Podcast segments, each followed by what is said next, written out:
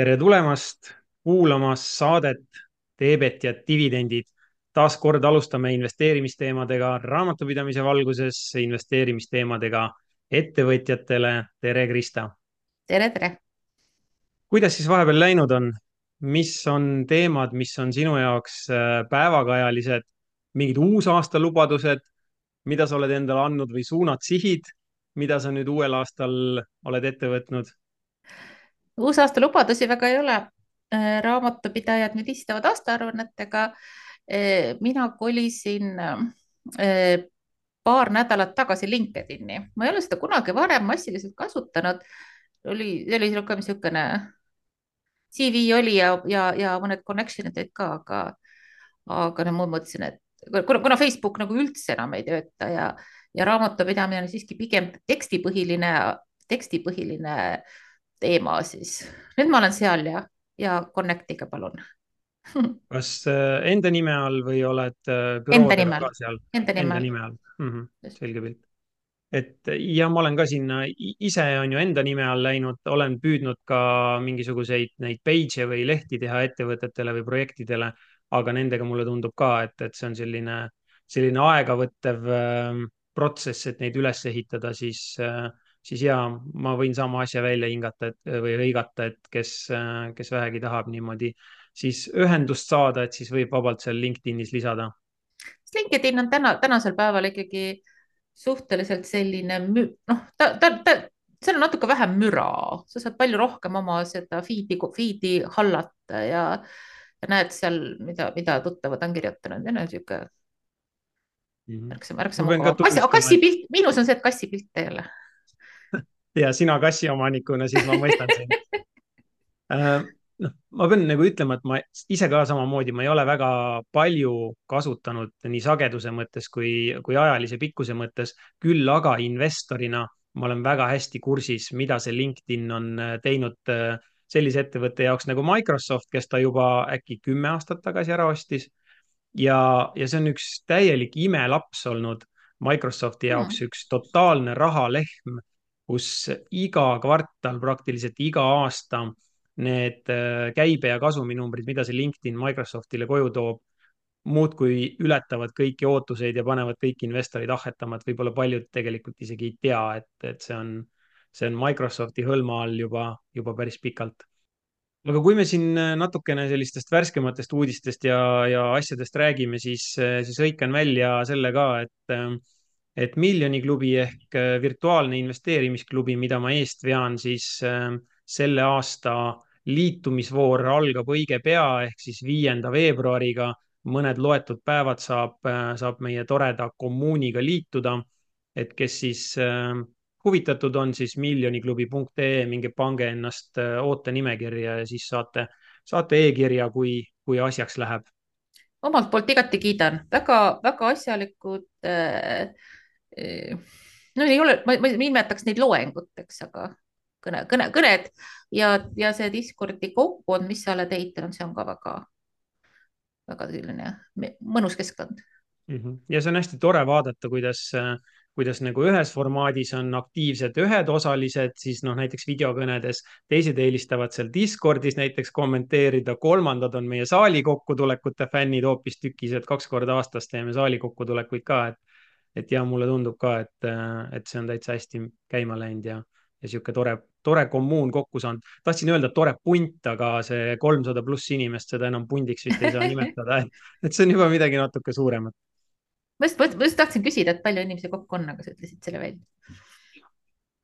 aga täna räägime siis sellisest asjast, et äh, kuidas kajastada investeeringuid raamatupidamises, ettevõtte alt investeerides ja kõik raamatupidajad, kes meid kuulavad, siis võib-olla teile selline mitte kõige positiivsem üllatus, sest täna me ei räägi teie võtmes ja teie jaoks, vaid tegelikult äh, ma tahaks rääkida just äh, investorite nii-öelda jagada neid näpunäiteid investoritele ja rääkida investori vaatenurga alt, et kui sa toimetad oma investeerimisega läbi ettevõtte ja teed ettevõtte kaudu neid investeeringuid, siis äh, kui su raamatupidaja on kokku pannud sulle aastaaruande, siis ähm, mis sa arvad, kes vastutab, on ju, kes vastutab, et see edastatud aruanne oleks õige, et, et see on üks, üks asju, Krista, mida ma kunagi taipasin sinu materjale läbi käies ja sind Facebookis jälgides, et oi-oi-oi, et tegelikult mina oma ettevõtte juhatuse liikmena hoopis vastutan, mitte raamatupidaja paraku ta nii on, paraku ta nii on. Ja, ja ma igati julgustan, kui sa saad raamatupidaja käest selle aruande kätte, palun vaata üle, küsi see, kui sul, kui sul ei ole endal sinna raamatupidamisprogrammi ligipääs, küsi see pil, detailne bilanss, vaata üle, mis seal on. ma olen kohutavalt palju vigu näinud, väga rumalaid vigu, vabandust. No vot sellepärast me täna siin sellest räägime ja, ja väga hea, et sa just ütlesid, et küsi see detailne bilanss, sellepärast et see, mis läheb majandusaasta aruandesse see on üks selline niisugune ilus ümar koondtabel, millest tegelikult ei saa mitte midagi aru, mis kuhu lõpuks maandus. Ja sealt äh, detailse bilansi pealt on, on päris hästi näha, et kuhu siis midagi pandud on. Või mõnikord võime ka kasutada sõna, et kuhu midagi topitud on, sellepärast et täpselt võib-olla ei tea, et kuhu teatud investeeringut paigutada. ja, ja käime siis täna läbi sellised peamised asjad teile, head investorid, et kui te saate oma raamatupidajalt selle, selle majandusaasta aruande ja detailse bilansi kätte, et, et siis te oskate seda paremini lugeda ja üle vaadata. ja nagu ma ütlesin, siis vastutus on meil ettevõtja, ettevõtjatena siis meie õlul on ju, et meie juhatuse liikmetena peame, peame need asjad üle vaatama ja lõpuks meie paneme oma, oma käe sinna alla.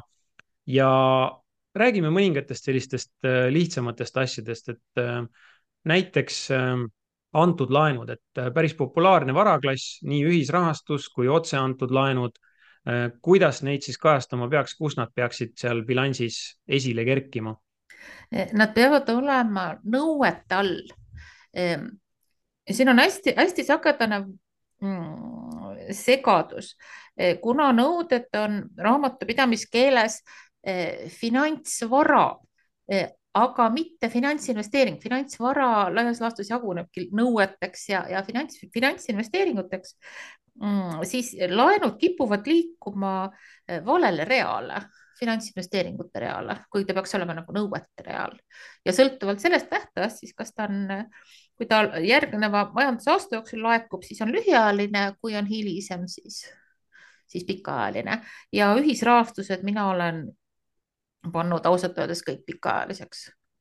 vaatamata sellele, et selle laenu tähtaeg võib olla üheksakümmend päeva, on ju, kui investor niikuinii keerutab seda raha portaalis, siis oma just. olemuselt on ta on ju pikaajaline. just. üks hästi lev-, hästi levinud, üks, üks suht-, üks viga, mida ma olen päris mitu korda näinud, eriti noh, kui juhtub raamat, noh, väga sagedane on see, et meile ettevõtjatele teeb raamatupidamist selline ema või tädi või õde või naine või naabri, naabrinaine või keegi tore raamatupidaja, äh, kellel ei pruugi olla investeeringutega kokkupuuteid. ja kuna numbrid ei ole suured, siis sa ikkagi las ta teeb ära, aga ta näiteks ei tea, mis asi on Interactive Brokers. ja siis ma näen kannet Teebet LH, Kredit LHV, Teebet Interactive Brokers ja, ja ütleme tuhat eurot ja siis ta miskipärast arvab, et on ostetud mingisugust investeeringut nimega Interactive Brokers ja siis selle tuhat eurot sinna jääb, sest ta ei tea, et eh, tegelikult seal taga on, taga on üks keskkond ja sa pead minema nüüd võtma selle keskkonnaraporti ja vaatama, mis seal tehtud on. ja, ja see, see, see ei ole nagu üks kord, seda on nagu mitu korda. eks sisuliselt äh, osad raamatupidajad siis arvavad, et see rahakanne LHV-st tähendabki juba otse sellesama investeeringu just, tegemist ja just, tema jääb sinna senikaua sellesse soetusväärtusesse, kuni, kui sa, kui sa näed mingit vastupidist, on ju, summa liikumist, aga tegelikult seal taga on siis peidus, sealt see elu alles hakkab, sealt see ja. investeerimine alles hakkab. okei okay,, väga tore, et sa selle välja tõid, ma, ma sellist asja ei olnudki varem kuulnud. ja noh, sama, sama kehtib kõikvõimalike muude keskkondade kohta, et kõik need oma rahad ja krakenid ja, ja mis iganes on ju ja ma, mulle meenub, et kui ma vaatasin kunagi äh, sinu veebiseminari investeeringute kajastamise teemal, siis sa ütlesidki väga hästi, et kuhu iganes sa oma raha kannad, siis selle koha raportit on sul vaja, on ju, selle platvormi või selle keskkonna. just, just. ja siis mhm. saab sealt hakata vaatama, mida sa ostsid ja, ja kuidas seda jagada. ja, ja, ja kui me siin nendest äh, nii-öelda laenu, antud laenudest natukene rääkisime, siis räägime ka võetud laenudest. Ehk ühes episoodis me hiljuti rääkisime finantsvõimendusest, et juhul, kui sa kasutad seda finantsvõimendust, siis tasub see ka üle kontrollida, et, et kohustuste poolele jõuab siis ka see võimenduslaen äh, siis selle finantskohustusena. Ja, ja mina tavaliselt olen nagu kuidagi soovitanud seda kajastada lühiajalise kohustusena, et, et oma ole, oma olemuselt ta ju selline on just ja kui sul, kui sa tead, et su raamatupidaja noh, ongi, ongi selline tore, tore ja hea sõber, tuttav või sugulane, aga sa tead, et ta ei ole investeeringu kokku puutunud, eh, käi temaga läbi ütle, et vot ma, vot siin sel aastal on üks uus asi, ma, ma kandsin raha Interactive Brokersisse, siin on raport, vaatame üle, mis ma siin teinud olen. ta ei tea neid sõnu mm. -hmm. ta ei tea, ta, ta, ta ei tea neid termineid väga hea ja kui me räägime siin sellest lühiajaline versus pikaajaline, siis varade poole peal ju täpselt samamoodi, et, et kui me räägimegi nüüd aktsiate ostmisest või ETF-ide ehk börsil kaubeldavate fondide ostmisest, siis äh, need on finantsinvesteeringud ja neid võib siis kajastada tegelikult oma põhimõtete järgi nii käibevara all kui ka põhivara all. et ideaalis on ju, kui me nüüd räägime niimoodi näpuga järge ajades äh, reeglitest ja, ja, ja, ja juhistest, siis, siis kui sa oled kaupleja, siis need asjad võiksid olla, kui sa oled siis selline lühiajaline kaupleja, võib-olla rõhutame siis seda, et on ju, siis need asjad võiksid olla käibevarade all ja, ja muidu investoril äh, ikkagi valdavalt põhivarade all või, või mis sina arvad? Eh, pigem põhivara ja eh, mis seal üldse vahet on?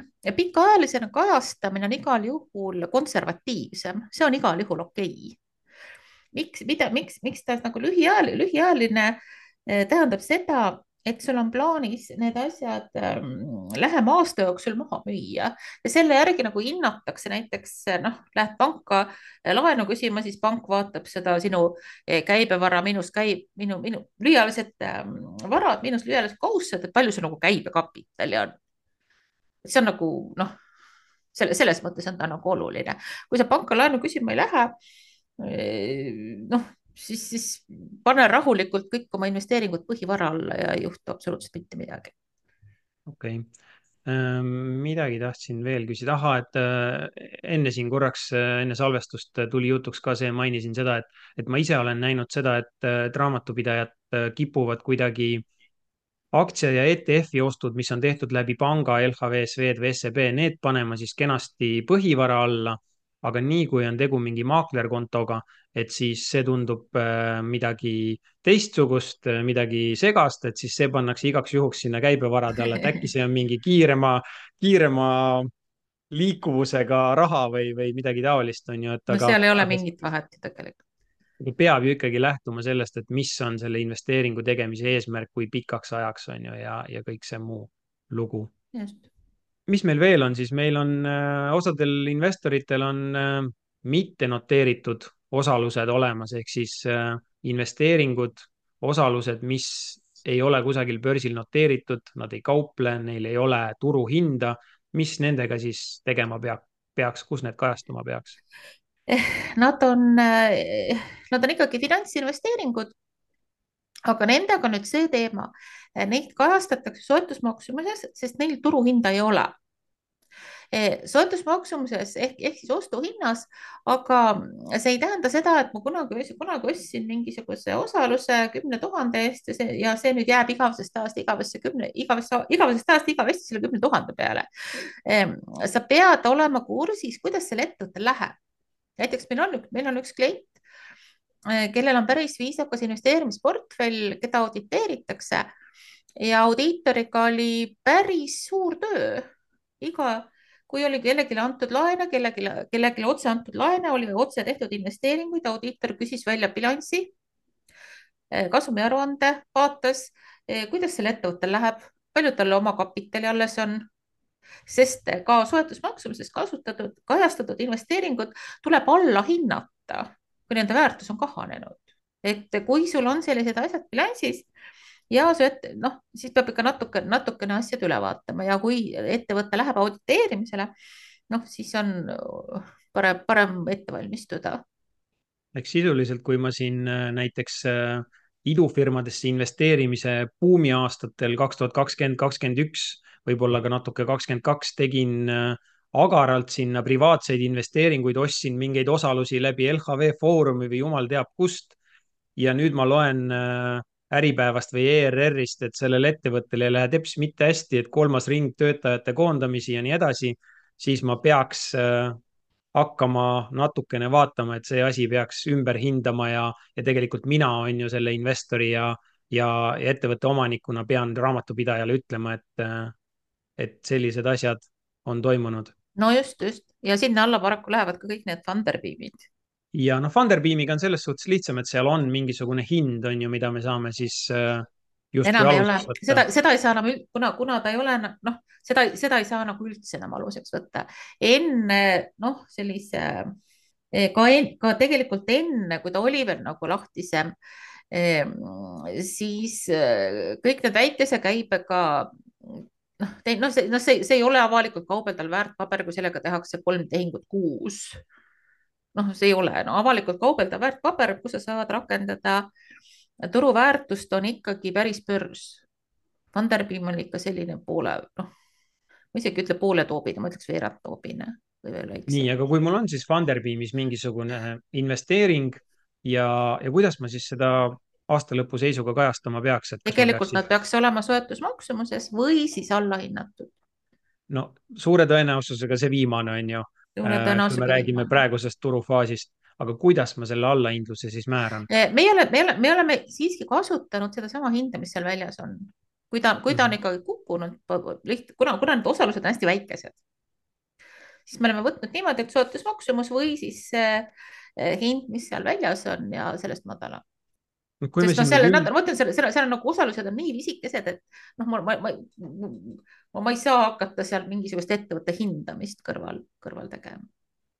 Jah, täpselt, noh, selle peale ma just ise mõtlesin ka, et, et see tundub täna ikkagi parim alternatiiv, et noh, ma, ma mäletan, mis me pensionifondidega vanasti tegime, et, et on ju, sa võtad selle parima turuhinna, mis on sul näha, viimase on ju, viimased tehingud, aga kui sinu investeering on oluliselt suurem, kui on need viimased äh, käibenumbrid, mis seal siis kusagil platvormil või börsil äh, on, on liikunud, siis äh, tavaliselt sai sinna rakendatud niinimetatud likviidsus koefitsienti ehk tõmmatud siis allapoole veel on ju, et juhul, kui ma lähen oma suurt tükki müüma no,, siis just. ma tean, et ma langetan hinda sellega, ma ei tea, miinus kümme, miinus kakskümmend või mis iganes see protsent võib olla mul õnneks ei ole, mul kuidagi on juhtunud niimoodi, et mul ei ole selliseid kliente, kellel on, kellel oleks väga suured summad seal Funderbeamis olnud, nii et mm. -hmm noh, see oli see, ma mäletan, mida meil audiitorid äh, tahtsid, et, et need mm -hmm. põhimõtted oleks alati kirjas, on ju seal NAB-i reeglites ja, ja kenasti jälgitud ka.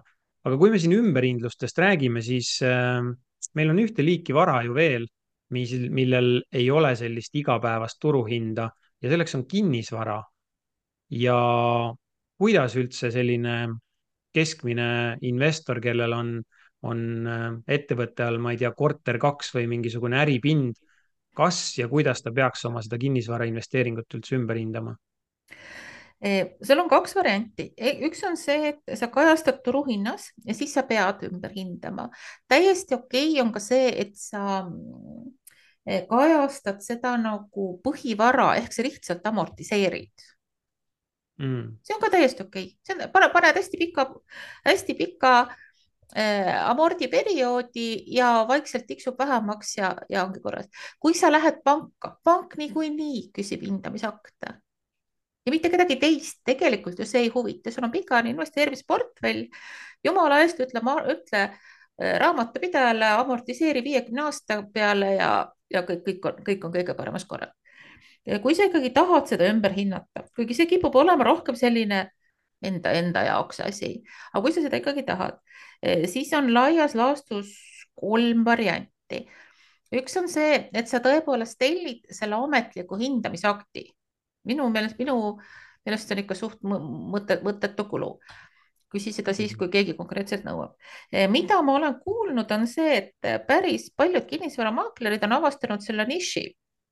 Ta vaatab oma tabelitest järgi ja saadab sulle meilile selline korter umbes maksab nii palju ja sellest täiesti piisab või noh, mitte, mitte maaklerid, aga need kinnisvarahindajad.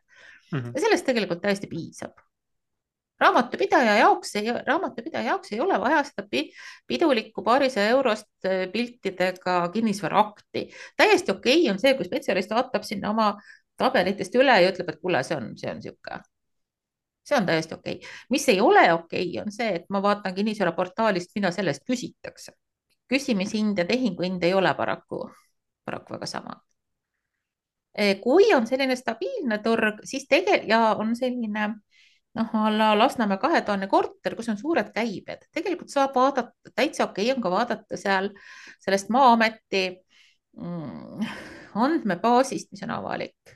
palju nad muutunud on kui ta on, kui need Lasnamäe kahetoaliste korterite hinnad on viimasel eh, kolmel aastal olnud suht sama, suht sama, noh, umbes nii suur ja umbes nii vana, nagu sinu oma on.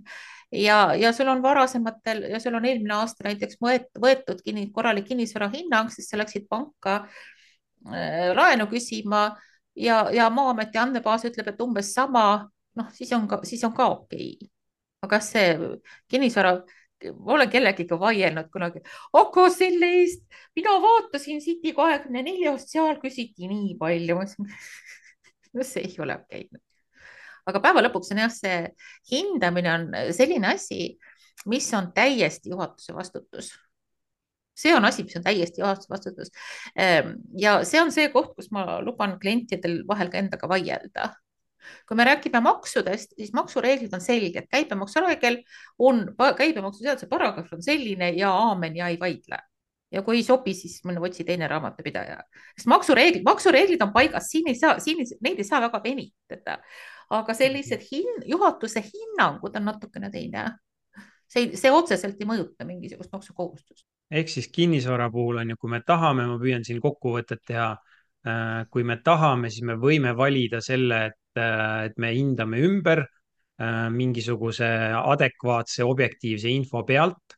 Äh, see tähendab siis tegelikult seda, et me peaksime hindama ümber nii ühele kui teisele poole, mitte et otsustame, et üles hindame, aga alla ei taha.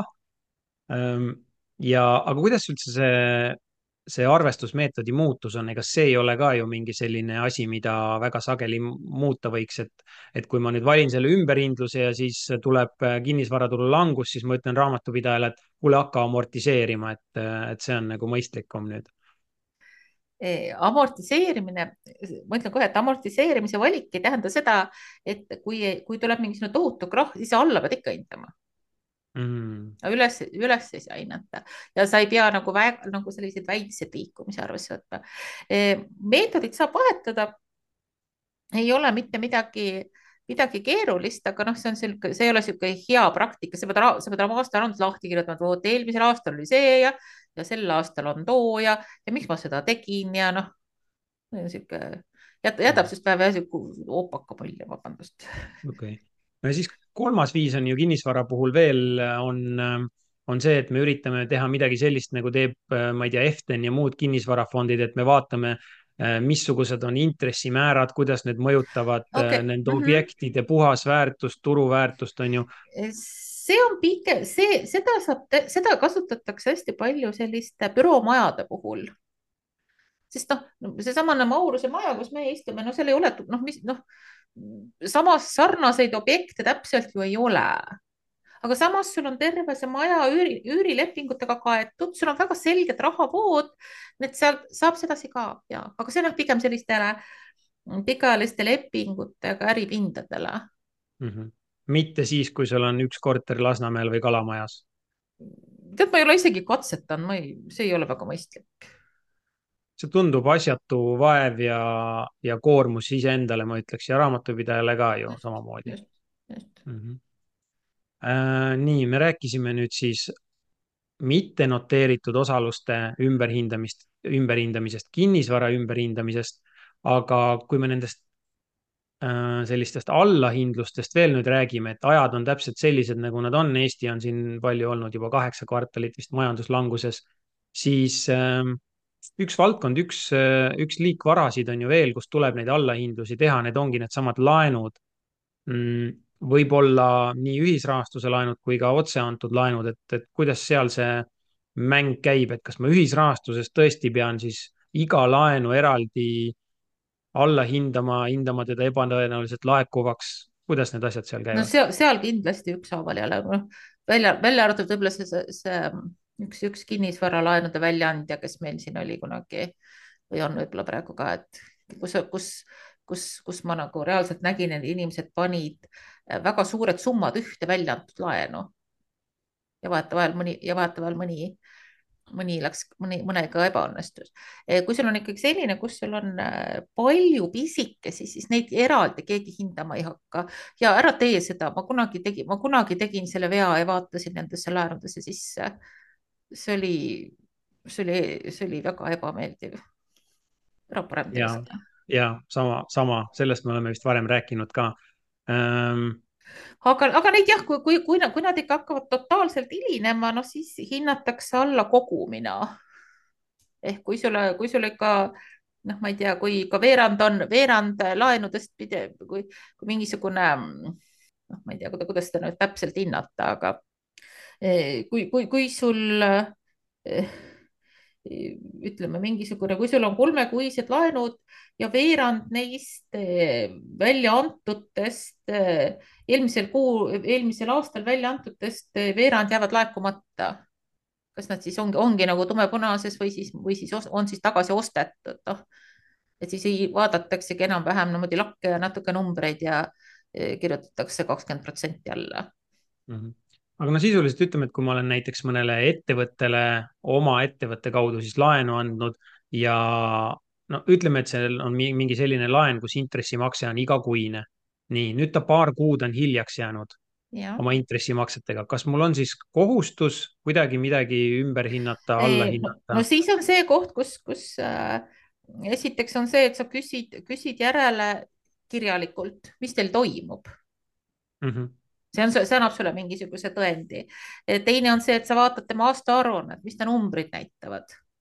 kui tal, kui tal on viimased kaks aastaaruannet esitamata, noh siis, noh siis on, siis on nagu kehvasti. kui tal, kui tal on maksu, ajatamata maksuvõlg üleval, mis järjest kasvab, siis on ka kehvasti. ehk sa vaatad ta finantsnumbreid ja siis on, siis on paraku jah see, et ilmselt, ilmselt tuleb alla hinnata.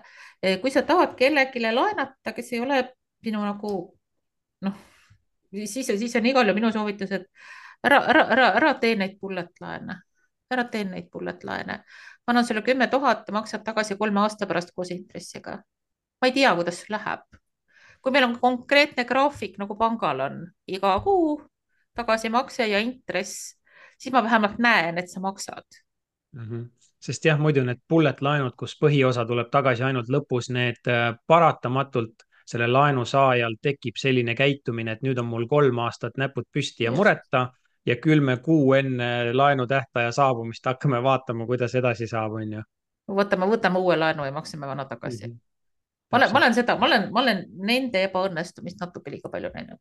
no väga hea, nii et äh, kõik te, kes investeerite ettevõtte kaudu, olete ise selle ettevõtte omanikud, siis nüüd te teate, et vastutus lasub teie õlul siin on see info, mida kontrollida. esimene asi, võtke, küsige see detailne bilanss, sealt saate asjad üle vaadata.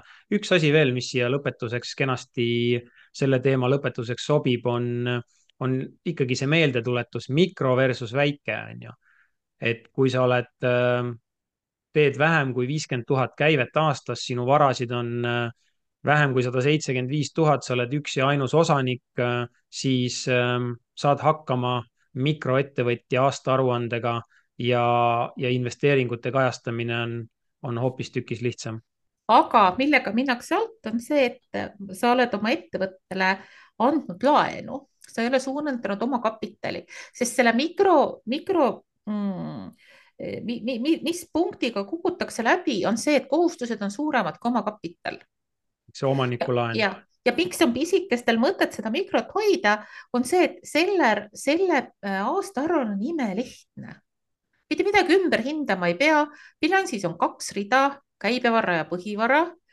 Ehk sellise mikro, noh, mingeid lisasid, mingisugust peent juttu ei pea kirjutama, ehk sellise, kui sul on nagu pisi-pisi ettevõte, siis sellise mikroettevõtte aastaaruandega, noh, keskharidusega inimene saab hakkama aga, aga seal on jah, selle, et kui, kui sul, kui sul need tingimused ei ole täidetud, siis ta läheb väikse alla siis on juba, siis on juba keerulisem. aga jah, kui sa, kui sa, kui sa selle peale sihid, siis vaata, et need sul need äh, lae, laene, antud laene ei ole, ei ole rohkem kui, kui on siis äh, osa, osakapital pluss siis teenitud tulem noh, mis tõenäoliselt tähendab seda, et mida aeg edasi, seda vähem äh, investoreid sinna sobitub, sellepärast et tehakse neid ühesendise osakapitaliga no, ettevõtteid ja antakse omanikku laenu sisse ja, ja just. ongi kohe väike ettevõte siis sisuliselt. kas sa seda oled kuulnud, kaugel see investeerimiskonto laiendamine on? ei ole, ei ole, see tuli see uh, uhke pressiteade, mis läks erinevatesse meediakanalitesse uh. -huh. kusagilt ei ole võimalik jälgi ajada, kui kaugel ta on, kus ta täpselt on. kooskõlastusring oli see märksõna, mis mina sealt lugesin uh. -huh. Uh, aga ei tea jah. no nii, väga tore, siis uh, näpunäited on teil kõigil nüüd olemas, meil on taaskord mõned küsimused, mis on saabunud. hõikan siis taaskord välja, et äh, Spotify's on Q&A aken, kuhu saab jätta küsimusi. olge head, kasutage viimast episoodi, et neid episoode meil järjest muudkui koguneb. Äh, rõõm on näha, et tegu on täitsa populaarse podcast'iga, et Krista, meil on tuhandeid kuulamisi juba kokku kõigi nende episoodide peale. ja ja võtame mõned kinnisvara valdkonna küsimused äh, seekord ette, mis, äh, mis siin on ootele jäänud. Indrek küsib esimese küsimusena sellist asja, et kui ta, äh, et tema on kuulnud sellist asja, et kui eraisik ostab kodulaenuga näiteks saja ruutmeetrise maja, rendib sellest ühe toa oma ettevõttele, noh näiteks kakskümmend ruutmeetrit siis, siis kunagi hiljem, kui ta seda maja müüb, siis justkui peaks proportsionaalselt maksma tulumaksu selle osa pealt, mis ei olnud siis elamispind. et äh, kas siin on äh, tõetera sees? Eh, tegelikult on küll, aga sealt on, kuna, kuna, kuna ei arvestata ajalugu, siis on jumala piisav see, et kui sa lõpetad, kui sa noh, tavaliselt need kinnisvaramüügid ei tule päris niimoodi laksust, et lõpeta paar kuud enne see ettevõtluseks kasutamine ära ja, ja kõik on korras mm. -hmm. no väga hea, vastus lihtne ja selge. Ja Indreku teine küsimus, et äh, kui ma soovin äh, müüa kinnistut, millest saadud summa plaanin investeerida ettevõtte alt väärtpaberitesse ja see kinnistu on käes siis äh, eraisikuna praegu, et kuidas seda kõige maksuefektiivsemalt teha, et kas, kas oleks mul mõistlik see kinnistu kirjutada kohe ettevõtte nime alla või ettevõtte nimele või siis, kui ma ettevõtte alt seda müün, et siis tuleb ju käibemaks juurde, samas eraisikuna peaksin maksma tulumaksu. Et mis see siis mõistlik äh, viis on ja väike lisamärkus, et ostjaks on suure tõenäosusega eraisik. no siin, siin sa pead nagu natukene kaaluma, et noh, võta, võta üks Excel ja, ja kir, proovi erinevad, erinevad versioonid läbi. noh, kuna, kui, kui sa räägid kinnistust, siis ilmselt ta ei ole nagu kodu. kui sa müüd nagu see, kus sa oled viimati sees elanud, see on igatahes igal juhul mõte, mõttekas eraisiku alt maha müüa, sest seal on tulumaksuvabastus. noh, ja siis sa kaalud seda varianti, et mis, mis sul on variandid, et kas ma müün nüüd eraisiku alt, palju see tulumaks on? Ehm, kas ma, kas ma müün selle oma ettevõttele ja kas ettevõte müüb edasi? noh, see, see, see nagu noh siin on, siin on neid aspekte nii palju, et siin peab, siin peab kaaluma ja kas ta, kas ta on siis elamumaa või ta on mitte elamumaa. ja täitsa nõus, ma ütleks ka, et Excel on siin see, siin see parim sõber, et, et suure tõenäosusega ma tahaks öelda, et maksudest sa ei pääse, nüüd ongi küsimus, et kui palju sa maksad ja, ja, ja missugune siis, kas sa maksad eraisikuna või, või tuleb see see kuidagi sealt ettevõtte alt juurde, et kas sina neelad seal ettevõtte all selle alla või neelab ostja, on ju, ja no,, ja kuidas need asjad välja mängivad. üks kinnisvarateemaline, nii, jah. ja teine asi on see, et kui sul ostja on ette, käibemaksukohustuslasest ettevõtja, siis tal on jumala ükskõik, kas seal on käibemaksu otsas või ei ole. täpselt. Mm. nii, ja siis üks kinnisvarateemaline küsimus veel Äh, Triin, ma arvan, võib olla see, kes, kes siin kirjutab meile ja küsib, et ta soetas eraisikuna hiljuti korteri, mis vajaks remonti. ja kui ma annan nüüd selle korteri tasuta kasutamise lepinguga ettevõttele kasutamiseks, siis kas ma võin ettevõtte alt teha renoveerimiskulutusi ja kas nendel kulude suurusel on mingi piirang ka ees eh,? Äh, ei ole piirangut, võid anda selle korteri oma ettevõttele Eh, teha seal need remonti, üürida välja. siin on üks, üks pügal on see, et äh, andsin korteriettevõttele, tegi, ostsin halvas halvas korras korteriettevõttele, andsin äh, eraisikuna, andsin ettevõttele, ettevõte tegi korraliku kappremondi, ütleme, korteri hind oli sada, sada tuhat, kappremont läks teissada tuhat üürisin korraks välja, siis mõtlesin, et aitab küll, võtsin tagasi. no see on selline tore äriplaan, mida ma olen ka vahel kuulnud et kuidas saab mm. ettevõtte rahaga oma, oma korteri ära rentida. siin on see klausel, et seda võib Maksuamet lugeda, seda, seda võib Maksuamet lugeda sul küll maksude optimeerimiseks meil ei ole selle, see nende kohta väga selgeid reegleid, sest noh, meie maks, meie maksureeglid on ka niisugused vanad, ega nad ei ole neid igasuguseid äh, invest-, investorite trikke nagu väga palju arvesse võtnud. aga Maksuametil on samas ka igasugusteks reklassifitseerimisteks päris vabad käed. ehk see, see ei ole, see ei ole nagu mõistlik. Äh, kui ma teen ettevõtte rahadega korteri korralikult korda ja, ja, ja ta on ja reaalselt see läheb ka välja üürimisele ja seal üürnik ongi sees viis aastat, kümme aastat, see on igal juhul okei. Okay..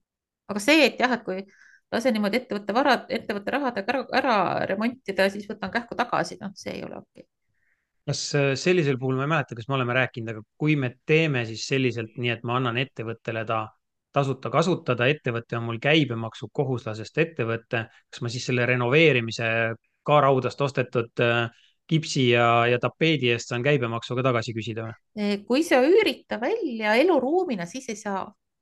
õige, õige, see saa. oli see Airbnb ja siis, siis just, sai. siis saab mm, -hmm. siis saab no vot, väga hea, mul endal on ka tegelikult nagu tekkis siin küsimus, et, et võib-olla ma ostan äh, näiteks mingisuguse kusagil äh, noh, tänapäeval täitsa realistlik stsenaarium, et, äh, et kusagil maapiirkonnas väike alevikus ostan kahekümne või kolmekümne tuhandega, lasen sinna teha täieliku renoveerimise saja viiekümne tuhande eest, on ju, see kõlab mõttetult, aga idee poolest on seda võimalik teha ja siis huvitav tõesti, et, et kui ma ostan, ma ei tea, kolmekümnega ja panen sinna üle saja veel sisse, et siis need asjad lähevad justkui kuidagi väga paigast ära, aga, aga eks siis mängibki rolli see, et kas ta jääb sinna ettevõtte alla ja, ah, ja ettevõte teenib sealt tulu siis või mitte, on ju väga hea, võtame siia kaks lühikest küsimust veel lõppu, sellepärast et need on natukene seotud ja puudutavad siis äh, dividendide maksmist oma ettevõttest ja, ja palga ja juhatuse liikme tasu maksmist, et, äh, et kõigepealt Erki küsib meie käest, et, äh,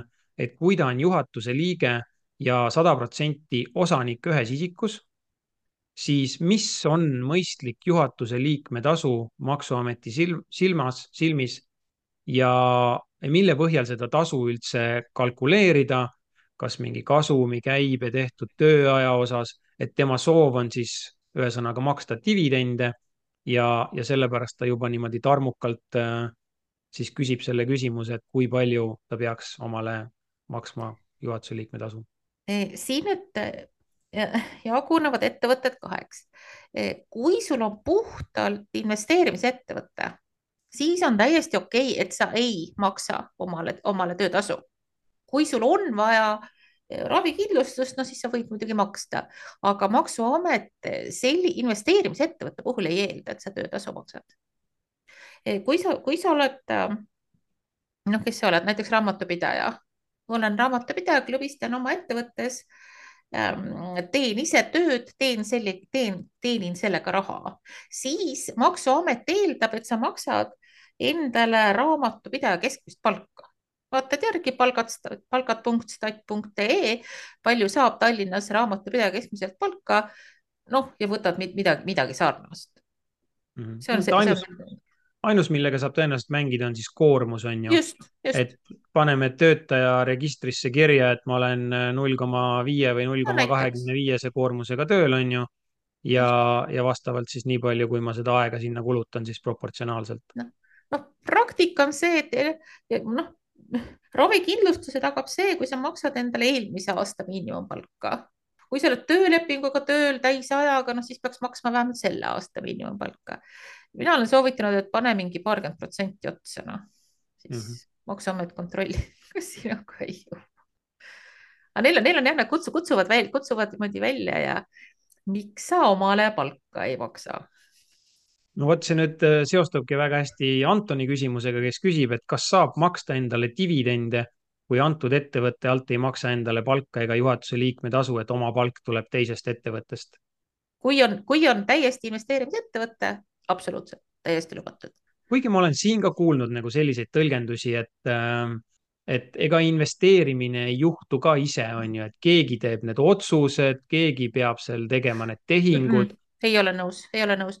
see investeerimistulu ja näiteks renditulu ju loetakse passiivseks mm.. kui, kuigi, kuigi noh, kui sul on korter väljaüürimine, see ei ole ka ju täiesti passiivne.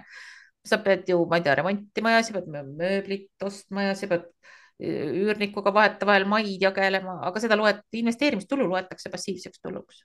ja sealt, sealt pealt, sealt pealt ei pea ka sotsiaalmaksu maksma, nii et. selge pilt. No siis, Erki ja Anton, loodetavasti saite vastused enda jaoks siit kätte. Ja egas siis midagi, kui tõmbame taaskord äh, joone alla. Nagu ikka Spotify kaudu saate neid küsimusi meile saata, olge head, pange viimase episoodi alla. Ja igas saates mõne küsimuse siis võtame ette ka. tead, Krista, mul üks asi tuli veel meelde. me ei rääkinud krüptodest, aga ma tahtsin rääkida krüptodest, kus istuvad bilansis krüptod. teeme selle lühidalt lõpetuseks ka ära. Mait, jälle, jälle, jällegi maitse asi. mina olen pannud nad varude alla sest noh, seal on, seal on nagu elimineerimismeetod, et nad ei sobi rahaks, siis nad ei sobi finantsinvesteeringuks. reaalselt jäävad järgi variantideks varud ja immateriaalne põhivara. osadele meeldib, osadele arvavad, et immateriaalne põhivara on õigem. samas Eesti reeglite järgi immateriaalset põhivara peaks ümber hinnata ei tohi ja peaks hoopis amortiseerima, nii et noh, jään üldiselt pigem, pigem, pigem ta sinna varude reale pannud ja, ja mhm. kuna reeglina investoril nagu päris varusid ei ole, noh siis ta ongi seal eraldi rea peal ja kirjutad arvestuspõhimõtetesse, et vot siin on krüptod ja, ja kõik on selge ja koššer.